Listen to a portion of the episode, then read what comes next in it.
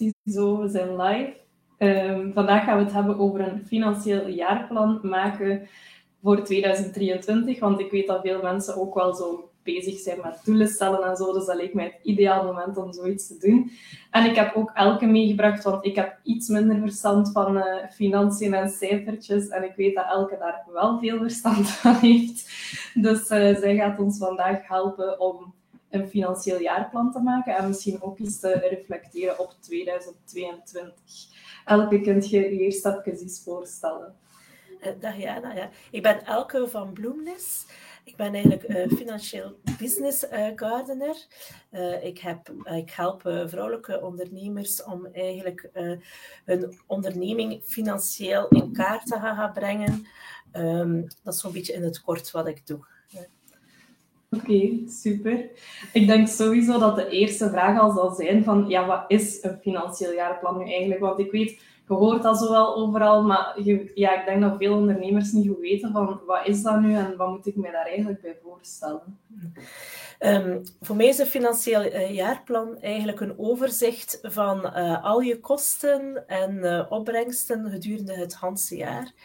Um, ja, misschien eigenlijk, hoe begin ik daar eigenlijk altijd aan? Ik neem eigenlijk mijn bankrekening uittreksels en ik ga echt gaan opschrijven uh, per kost wat dat er eigenlijk binnengekomen is, maar ook wat dat er, uh, wat dat er ja, ja, uitgegaan is liever. Ja. en dan ook uh, wat dat er binnengekomen is. Maar echt gewoon gaan noteren um, en daar dan een overzicht van maken, zodat je echt goed wel ziet wat dat er aan de hand is ja. je eigenlijk je financiële stroom echt heel goed kan zien binnen je onderneming. Dat is eigenlijk ook, ik doe dat dan gedurende een handse jaar eigenlijk. Hè. Ja. ja, dat is, dan, dat is dan waarschijnlijk minder echt een plan, maar meer zo gewoon bijhouden van wat je gedaan hebt. Eigenlijk doe je dat voor het, uh, ja, nu, bijvoorbeeld nu zou je dat kunnen doen voor 2022, als je dat nog niet bijgehouden hebt. Hè. Um, en eigenlijk op basis daarvan ga je dan eigenlijk um, je jaarplan voor volgend jaar gaan, gaan maken. Dus zo zie je nu al wat dat je kosten zijn en wat dat je ja, huidige omzet is. En dat ga je dan eigenlijk gaan projecteren uh, naar volgend jaar, naar wat je eigenlijk zo graag zou willen hebben, uh, in functie van welke doelen dat je gezet hebt of zo. En ook je kosten, zo kan je ook al zien wat dat je vaste kosten zijn.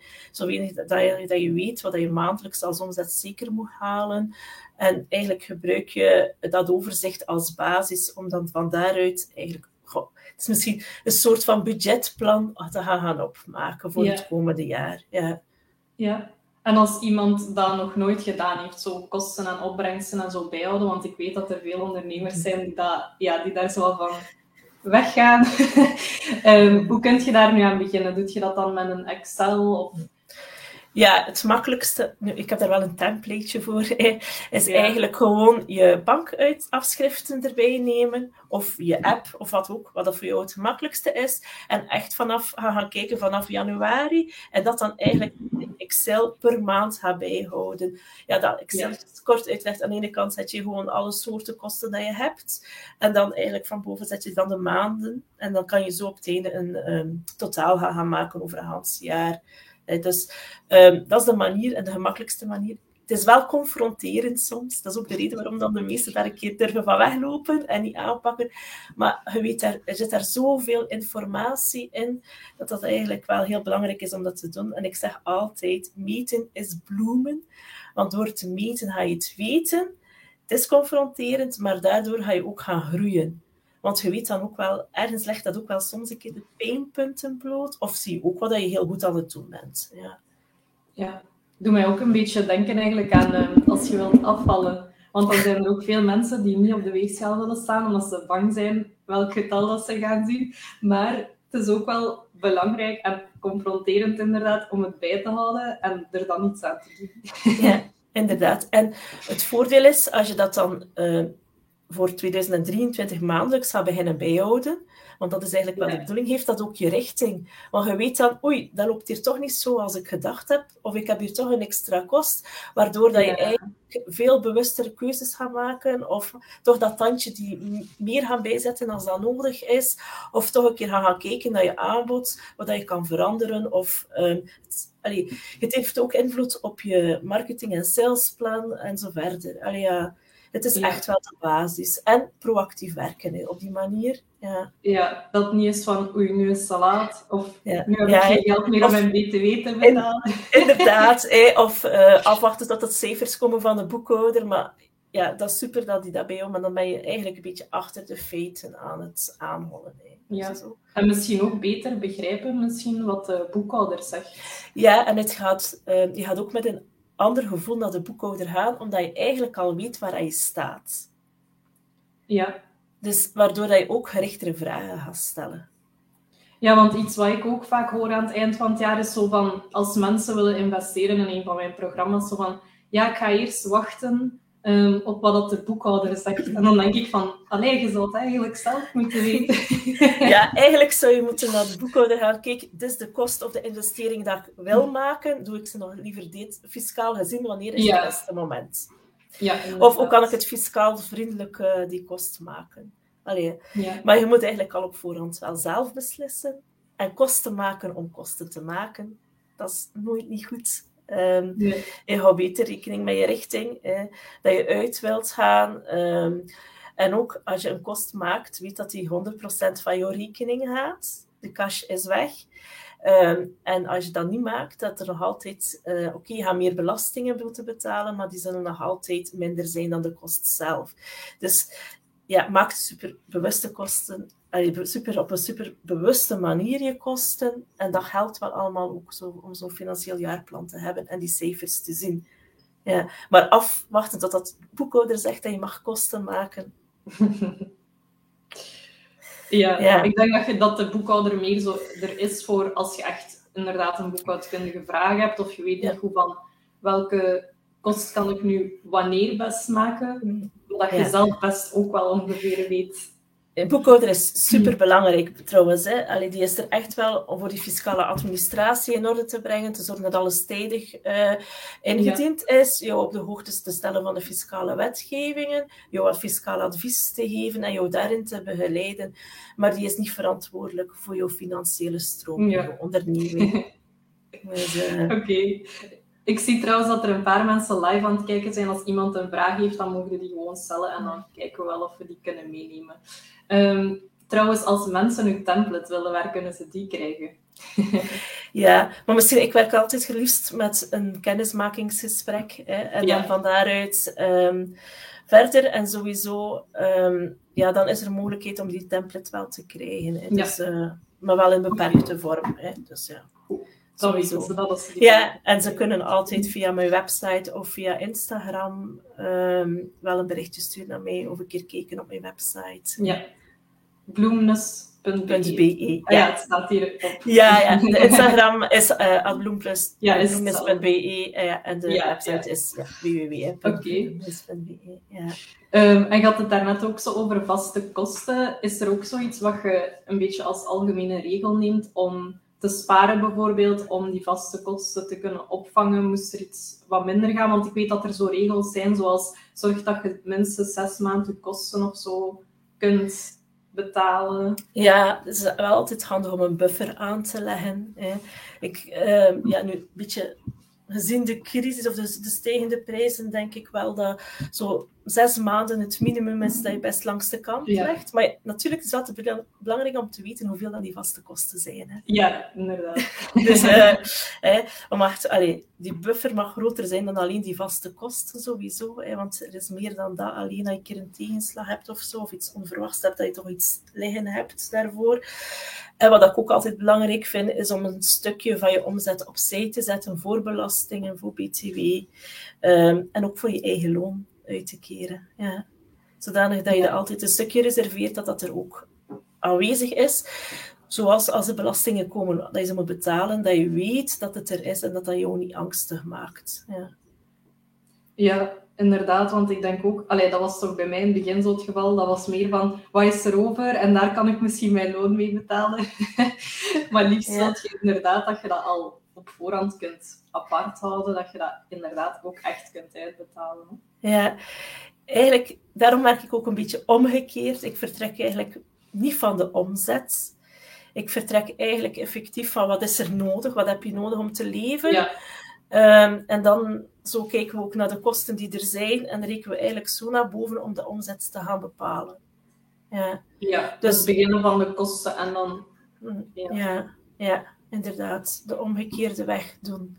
Omdat je dan ook weet wat dat er nodig is en dat geeft jou ook een, een soort van richting waar je naartoe moet gaan. En weet van oké, zoveel klanten heb ik nodig of zoveel omzet moet behalen en dan weet ik, dit is het minimum dat ik moet hebben om eigenlijk alles betaald te krijgen. Ja.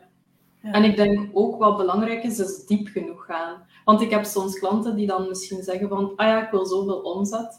Maar ze weten niet hoe, hoe gaan ze nu die omzet behalen. Ja, maar dat is dan de, ja, ja, dus inderdaad. Maar dat is dan de volgende stap. Als je een keer weet hoeveel dat het zou moeten zijn, dan moet je eigenlijk... Ja, want dan denk ik dat dat meer dan jouw leukje is. Ook een beetje zo de marketing. ja, deels wel. Ja, deels een stukje wel. Hè. Ja.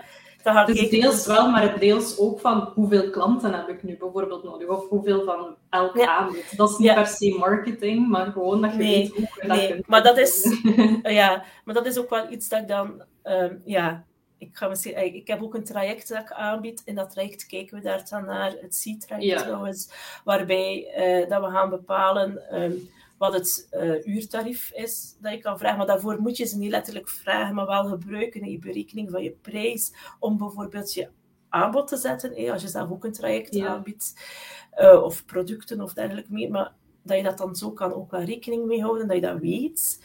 Um, ja, dat is zo een beetje belangrijk ook, hè, om die prijszetting te doen. Dan weet je ook hoeveel klanten dat je moet hebben aan de hand van je. En ook, ook hoe dat je aanbod kan samenstellen. Welke product, of wat dat je aanbiedt, is dat we eigenlijk, verdien ik daar wel iets aan? Want dat is ook wel belangrijk. Zit ik wel juist met mijn prijs? Maar daarvoor is dat niet altijd de marktconforme prijs, maar wel in functie van jouw structuur, van jouw onderneming. Want je kan uh, bepaal, eenzelfde soort activiteit hebben. Een, je ja, concurrent bijvoorbeeld kan identiek dezelfde uh, activiteit hebben, maar dat kan helemaal anders zijn. Daar. Die hebben een ander soort kostenstructuur, waardoor dat die prijszetting ook helemaal anders uh, is. Ja. Ja, dus ik, ga vergelijken, maar echt ga kijken ja. jezelf. Ja. Wel, ik ging dat zeggen, want ik denk dat dat in het begin ook wel iets is dat veel mensen doen, is gewoon even kijken, ah ja, wat, gaan, wat vragen concurrenten daarvoor? En ik heb dat ook gedaan trouwens. Hè. In het begin um, wou ik zo'n freelance opdracht doen en dat werd betaald per uur. En ik dacht gewoon, ah ja, ik ben een schoolverlater, ik ga niet te veel vragen. Hè. Ik ga kijken wat zo het minimum is dat mensen vragen. En dan heb ik dat gewoon gevraagd. Maar achteraf gezien dacht ik zo, ja, dat was niet is... de beste prijs die ik kon vragen. Het is heel herkenbaar, want ik heb ook nog vroeger een boekhoudkantoor gehad en ik deed dat ook. Hè. Dus ik had totaal geen richting. Ik kopieerde wat ik gezien had in die andere boekhoudkantoren ook. Welke tarieven dat ze hanteren. Iedere klant die binnenkwam aanvaarde ik, maar gewoon zonder, omdat ik totaal ook geen... Ja, ik wist niet goed wat dat mijn waarom was, wat dat mijn missie is en wat dat mijn visie was, welke richting dat ik uit wil. En uh, nu ben ik al geleerd eh, ondertussen.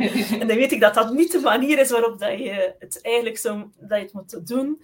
Um, dus ja, dat vind ik nu echt wel heel belangrijk, dat je, dat je weet wat dat je waarom is. Allee, of nogal een beetje duidelijk is welke richting dat je uitgaat. En dat je die ook vertaalt dan op, het, op je financiële stroom. Hè, welk soort aanbod dat je aanbiedt, wie dat je, wie dat je klanten zijn en dergelijke meer. Ja, ja, ja. Dat is super belangrijk. Ook dat ja bekeek ik in mijn C-traject. Uh, mm daar wordt ook bij stilgestaan. Ja. En ik denk dat dat ook wel een goede oefening is om niet enkel te kijken vorig jaar van wat is er binnengegaan en weggegaan, maar ook hoeveel uur heb ik daar nu voor moeten werken of hoeveel inspanning heb ik daarvoor moeten leveren. Ja. ja, maar ook om je het uurtarief te bepalen, is ook belangrijk dat je hoeveel productieve uren dat je hebt, hoeveel dagen dat je productief bent. Want dat moet ook meegerekend worden in je prijs. Ja. Ja, ja. ja, want ik had bijvoorbeeld een klant die deed eigenlijk twee keer dezelfde dienst. Um, exact hetzelfde, allee, bijna exact hetzelfde voor twee verschillende klanten. En we hadden gewoon een keer uitgerekend van als je nu zou uitrekenen hoeveel uur dat je per klant bezig bent en hoeveel dat je dan betaald wordt, hoeveel verdient je dan? En toen bleek dat ze voor die ene klant, ik denk drie dubbel zoveel verdiende per uur dan voor die andere. En ze had dat eigenlijk ook totaal niet door of zo. Ja, dus ook, ja, dat ook daar is belangrijk. Meten is weten. Maar ik had over laatst ook iemand die vertelde dat ze zes uur bezig was met ja, het was iets met een pakketje dat ze verkocht. Ehm, en dat ze daar uiteindelijk maar 20 euro meer aan over had. En dat is echt niet oké. hè?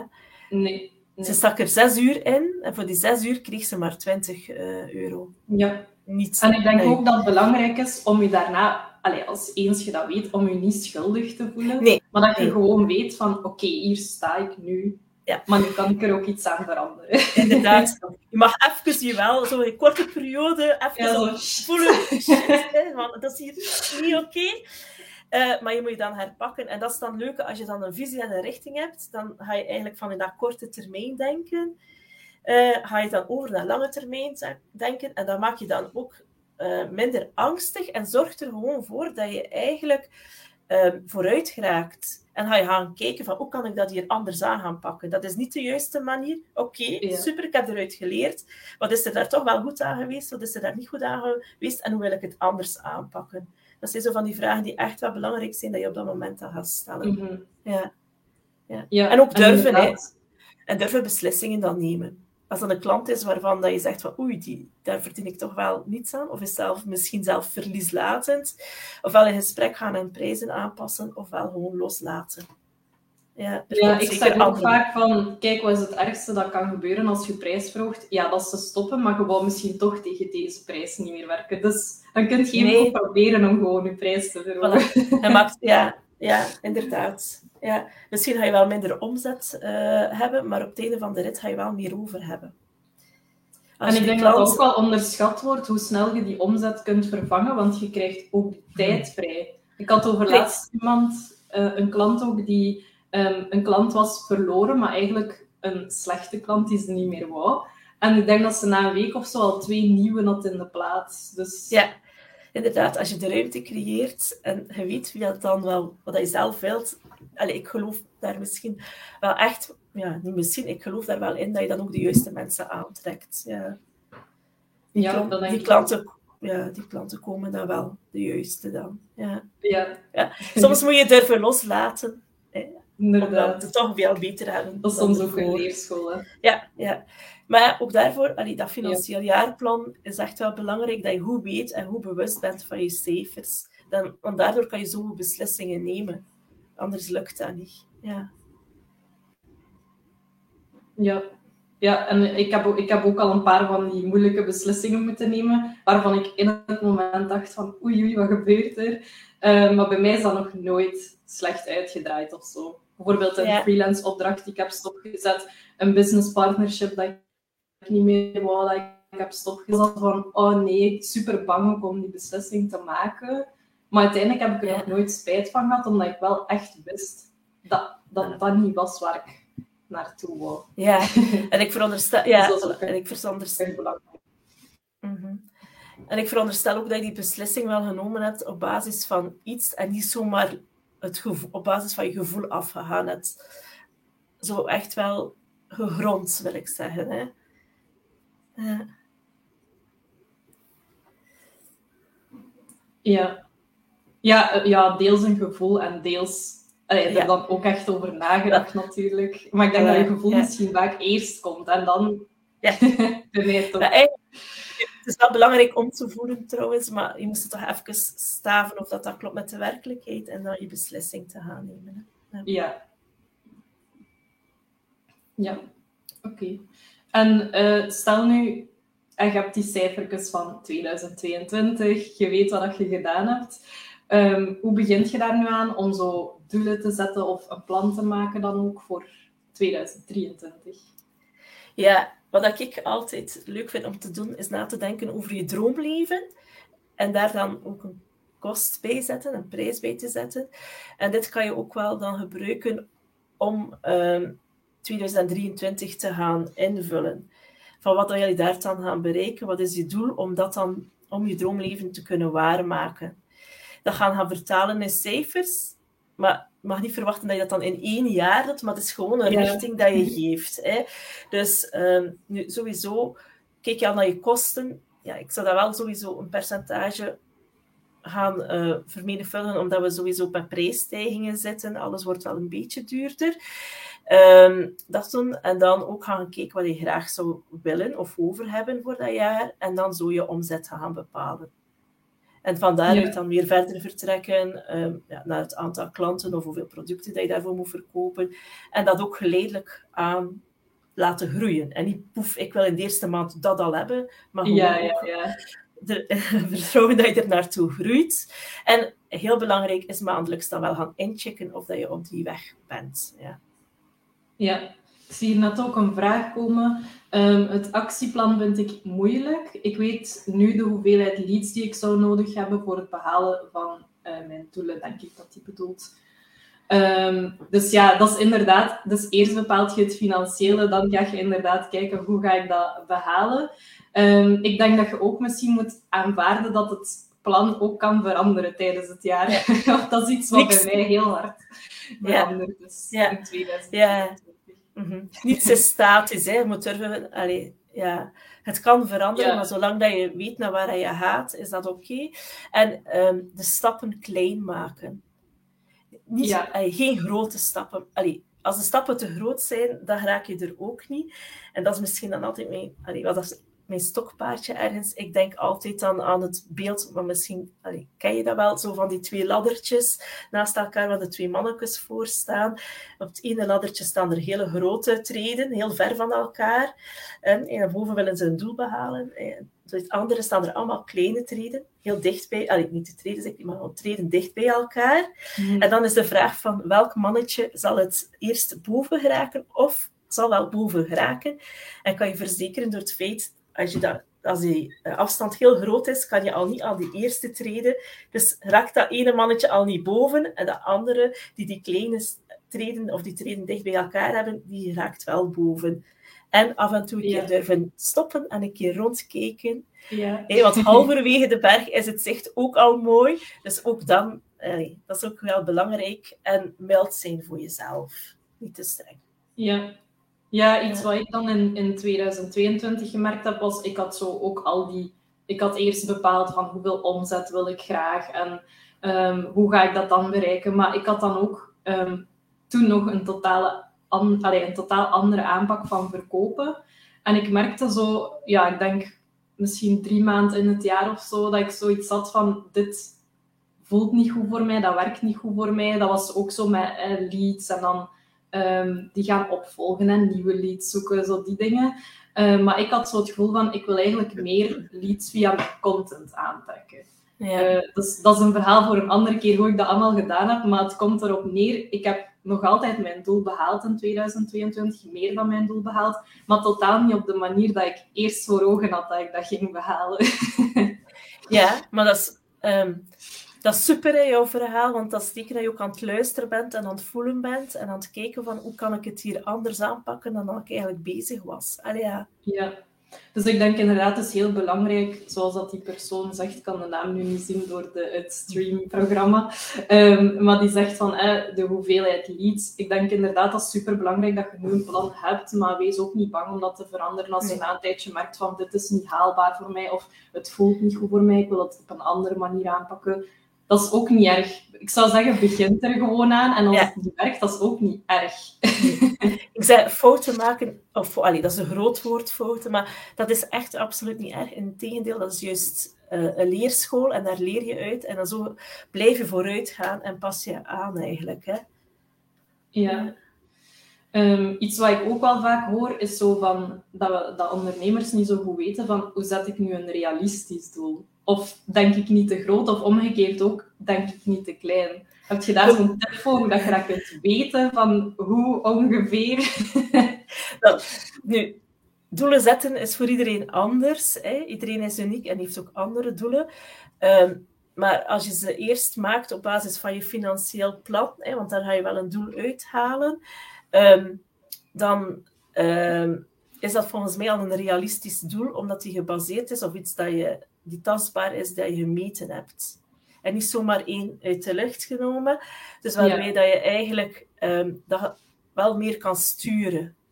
Um, en wat is een realistisch doel? wat voor jou realistisch is, is voor mij niet mhm. realistisch. Het enige dat ik misschien ook wel kan zeggen, durft ook een beetje uit je comfortzone te gaan. Want anders blijf je altijd in het, een beetje hetzelfde. Maar een klein beetje uit je comfortzone, dan ga je ook voelen dat dat ook je meer motiveert en dat je er ook wel gaat geraken. Ja. Ja. Ja, want dat hoor ik ook vaak. Vorig jaar weet ik nog dat ik zo'n filmpje had bekeken van hoe zet je doelen en hoeveel... Ze, ze doen dat dan vaak zo met procenten, hè. Zoveel procent boven hetgeen van vorig jaar. Ehm, maar iets wat, ik wel tof vond, is dat ze vaak zo zeggen van... Eh, pakt een doel dat je wilt bereiken en doet er dan nog eens zoveel bij. En dat vind ik wel leuk, want ik denk dat je... Allee, ik dan toch... Ik ga vaak zo een doel pakken dat heel realistisch is. Ja. Dan ga ik misschien niet durven om meer te doen. En dan inderdaad, om er dan zo gewoon wat bij te tellen, dat is eigenlijk Ja. wel goed voor mij persoonlijk. Mhm. Ja, ik kan ook altijd je doelen stellen op basis van wat wil ik volgend jaar echt hebben, of welk stukje van mijn droomleven wil ik al bereikt hebben, hoeveel kost dat, en dan zo kan je ook je doel gaan be- bepalen. Zodanig dat je ook, allee, ja, je gaat altijd je doel een beetje hoger zetten dan het jaar ervoor, maar dat het, maakt het ook realistisch. En ook een drijfveer om het te raken. En je kan ook altijd nog, oké, als dat erbij komt, dat zou nog super leuk zijn om dat ook te halen.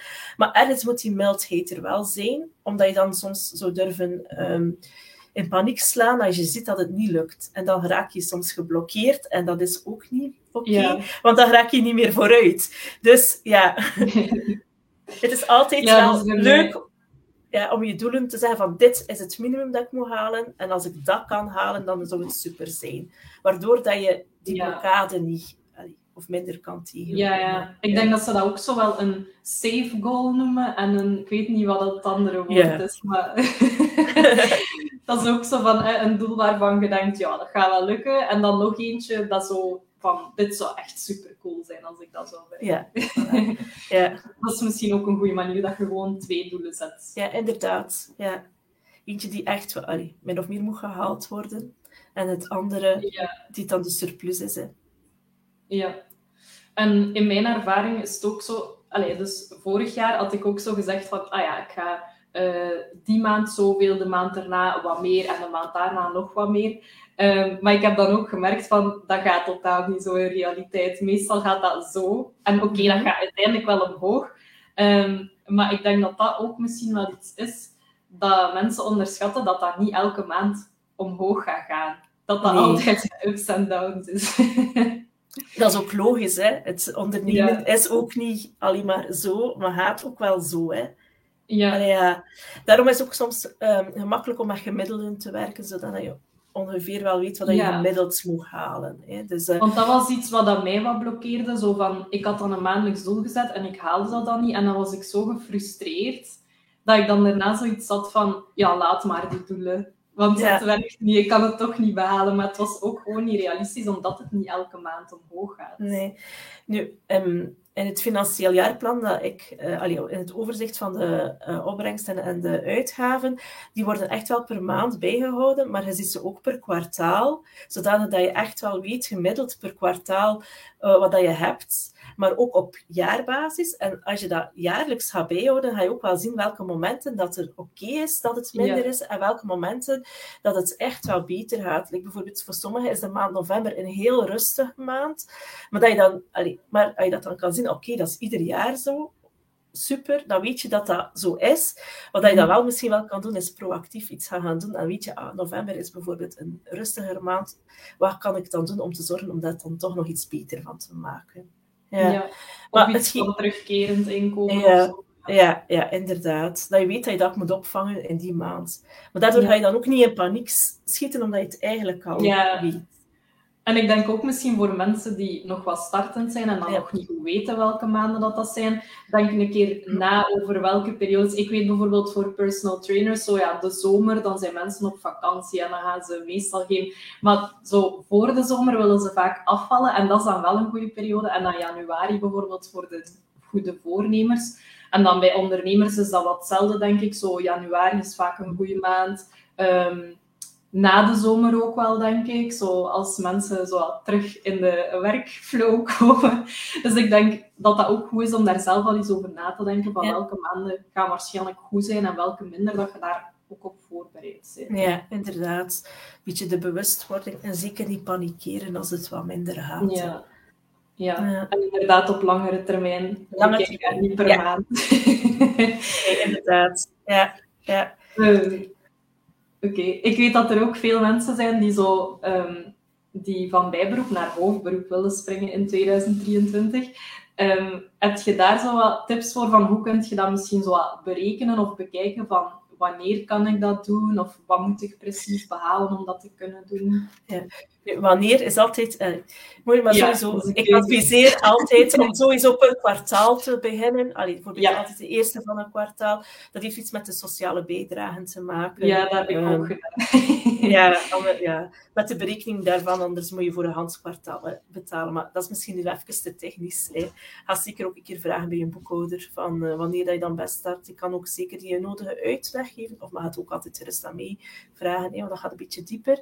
Um, per kwartaal en dan voorbij, van bijberoep naar hoofdberoep, dat is altijd spannend. En um, als je in hoofdberoep gaat, de eerste maanden begin je absoluut niet te panikeren.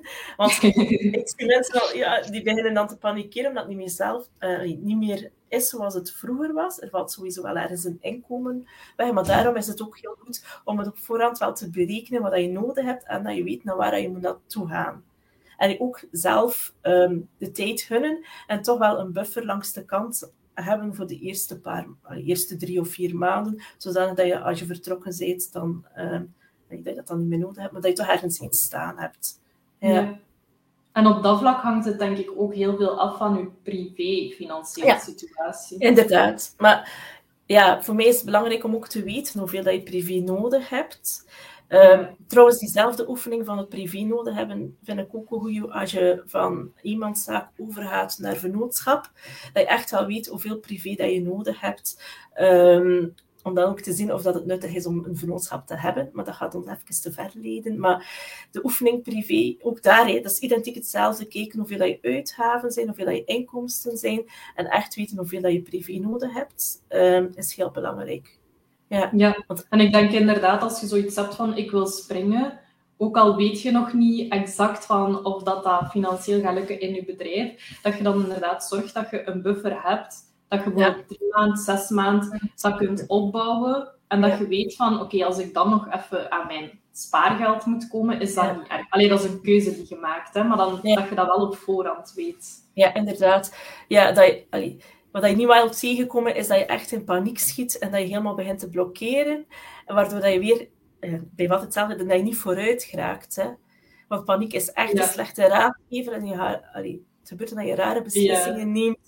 Um, dus als je die buffer staan hebt, vertrouw daar dan ook op. Allee, gaat het, maak daar een veilige ruimte van, wijze van En probeer toch vooruit te geraken. Op ja. en ik denk het is ook zo aan oefening maken tussen ook niet te lang in bijberoep blijven hangen als je, het echt, als je echt in hoogberoep beroep wilt gaan. Want je hebt nu eenmaal ook veel meer tijd om aan je bedrijf te werken. En ja. energie ook natuurlijk, um, als je in hoofdberoep bent. Maar natuurlijk, het hangt inderdaad af van je financiële situatie. Maar ik merk ook dat sommige mensen zo niet durven, want ze verdienen nog niet genoeg in hun bedrijf. Maar natuurlijk, ja, als je er fulltime mee kunt bezig zijn, gaat dat ook wel sneller komen. Dus het is een afweging maken natuurlijk. Ja, inderdaad. Je kan misschien ook wel op voorhand al een deel klanten gaan zoeken die die periode dan kunnen opvangen. Hè. Als je nog in bijberoep zit en je weet dat je naar hoofdberoep gaat, kan je misschien al iets uitwerken, bijvoorbeeld een traject of dergelijke meer, voor de komende drie maanden, zodat je dat al financieel hebt. Ja, ja. Die dat kan opvangen. Dat je toch even zo... Sowieso is... Ja, dat je eigenlijk ook al wat terugkerend uh, inkomen hebt. Eigenlijk is het prof, ja, of proactief al een beetje ja, werken naar de toekomst toe. Hè. Ja. Um, en dat is misschien ook een moeilijke vraag om te beantwoorden, maar ik weet dat er ook veel mensen zijn die zo zeggen, ja, ik zou eigenlijk zoveel in loon willen, maar hoeveel moet ik dan in omzet hebben? Maar dat is um, afhankelijk. Ja, daar kan je niet zo op antwoorden, omdat dat iedere, eh, iedere onderneming is uniek en heeft zijn eigen kostenstructuur. Dus wat je wil over hebben, is ook afhankelijk van hoeveel, kost, allee, hoeveel omzet dat je moet hebben, is ook afhankelijk van hoeveel kosten dat je maakt. Het is, ja. allee, wat je omzet, hè, dat is, uh, is eigenlijk je, je, je kosten plus je winst, hè, wat je over hebt. Hè. Dus om dat mhm. zomaar nu zomaar te bepalen, is heel moeilijk. Ook daarom is het belangrijk dat je altijd die kosten goed in kaart brengt. Ja. ja. Dus dat je eigenlijk ook ervoor zorgt van dat je kosten kunt betalen en dus eigenlijk je omzet min je kosten.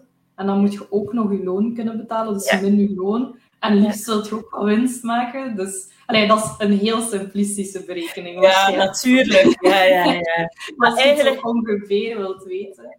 Ja, eigenlijk kan je gewoon doen, um, je kosten nemen, je loon dat je graag zou willen hebben. En dan doe ik dat eigenlijk maar 1,5 om dan eigenlijk je omzet te gaan betalen.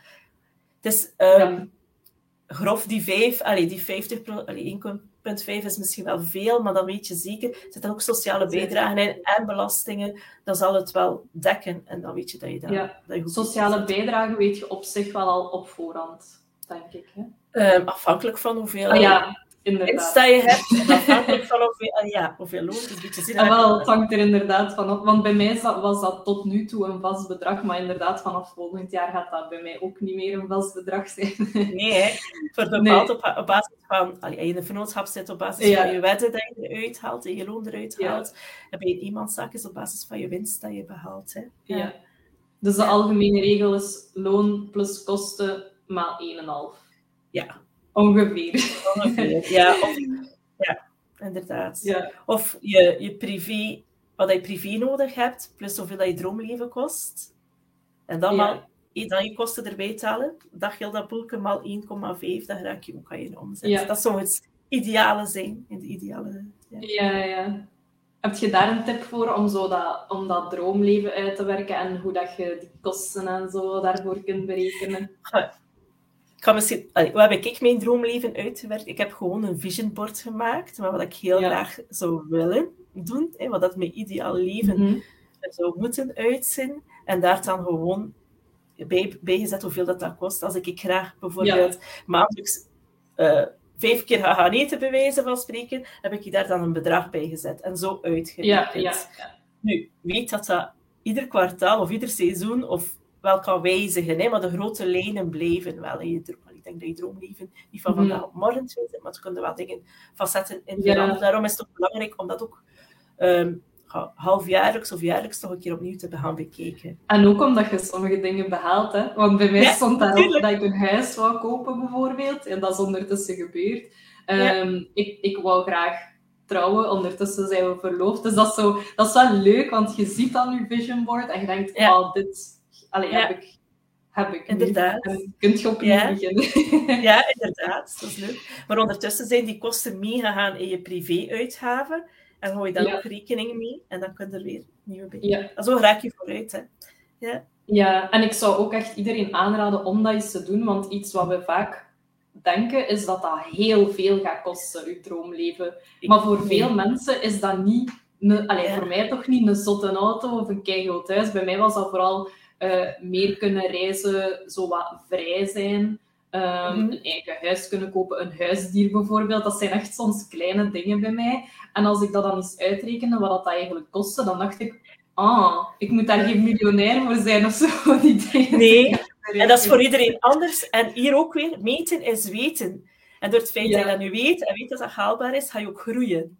Dus je Ja. blijft zo ja, bezig. En dat En je maakt iedereen... het, denk ik, door het allemaal iets te berekenen, maakt je het denk ik ook echter en meer realistisch. En gaat je er ook echt meer naartoe werken.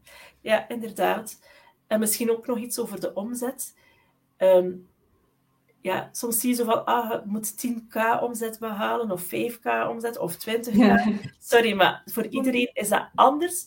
Misschien is dat ondertussen al duidelijk, want iedereen heeft een andere kostenstructuur, heeft andere eh, kosten voor zijn droomleven te behalen, bijvoorbeeld. Dus dat is voor iedereen Ja. anders. Focus je daar alsjeblieft niet te veel op en maak Mhm. je eigen eh doelenstellingen in verband met omzet. Ja. Ja, en zeker inderdaad met omzet, want er, zijn, er wordt heel veel met die getallen gesmeten van zoveel omzet, maar je weet inderdaad totaal niet hoeveel kosten hebben die. Misschien hebben die niets over, of maken die zelfs verlies. Dat kan, hè. Dat kan dat iemand Natuurlijk. 10.000 euro omzet heeft en toch verlies heeft.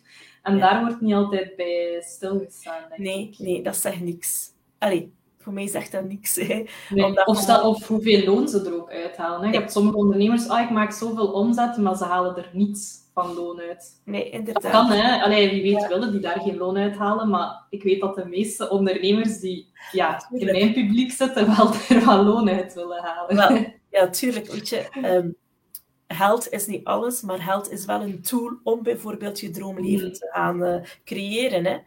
Het is echt een tool om ergens iets te behalen of iets te bereiken. Hè. Ja. ja. En dat is ook iets wat, allez, ik persoonlijk, dat is denk ik ook uw opvoeding, maar bij mij was, ik zag geld zo wat, of veel geld hebben was slecht. Of dat waren dikke nekken, of um, ja, die werkten alleen maar. Snapte, alles rond geld was zo van vies, precies.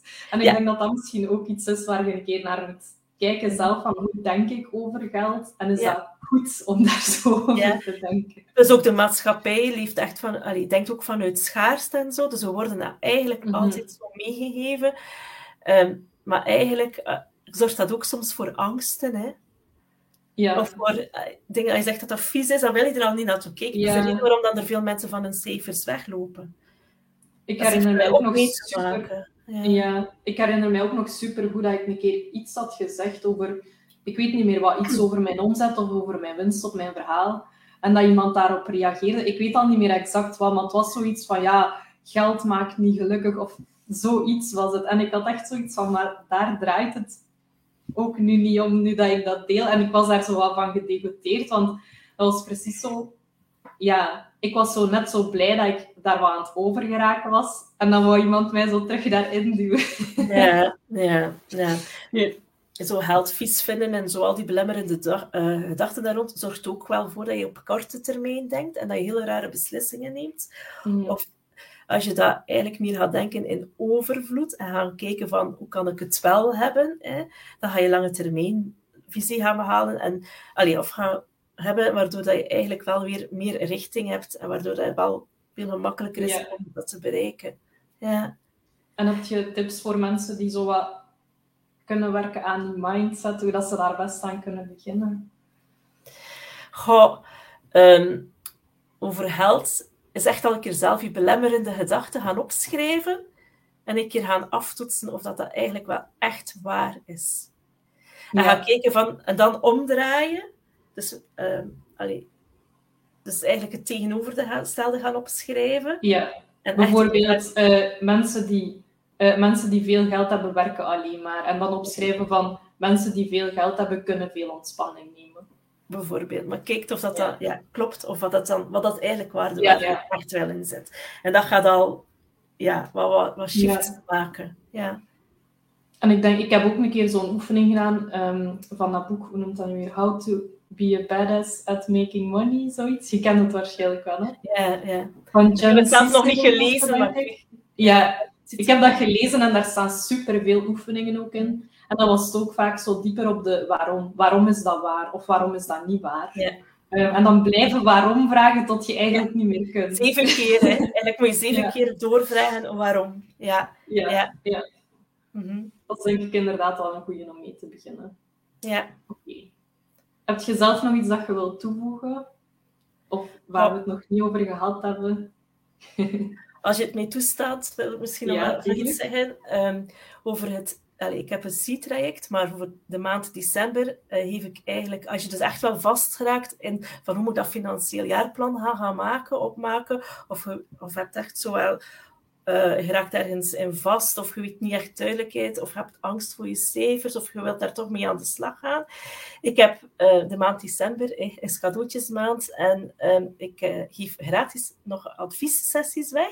Ik had er tien, ondertussen heb ik er nog maar drie meer. Dus wie dat er graag een adviessessie wil bij mij, wees snel zou ik zeggen. Er zijn nog drie plekjes over.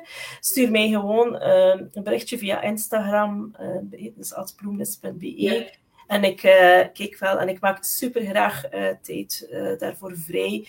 Um, ja, mijn, mijn intentie voor 2023 is trouwens verbinden en ondernemers eigenlijk gaan helpen met de financiële kant van hun zaak en hun mindset daar rond. Dus ja, jullie zijn zeker welkom. Dat is goed. Als er nog vragen zijn, dan kun je die nu nog stellen. Nu is het laatste moment. Ehm, en ja, sowieso, als je zegt van het is vooral verkopen waar ik wat moeite mee heb, of zo over mijn aanbod praten, heb ik ook een traject in januari dat is niet rond cijfertjes, daarvoor moet je bij elke zijn.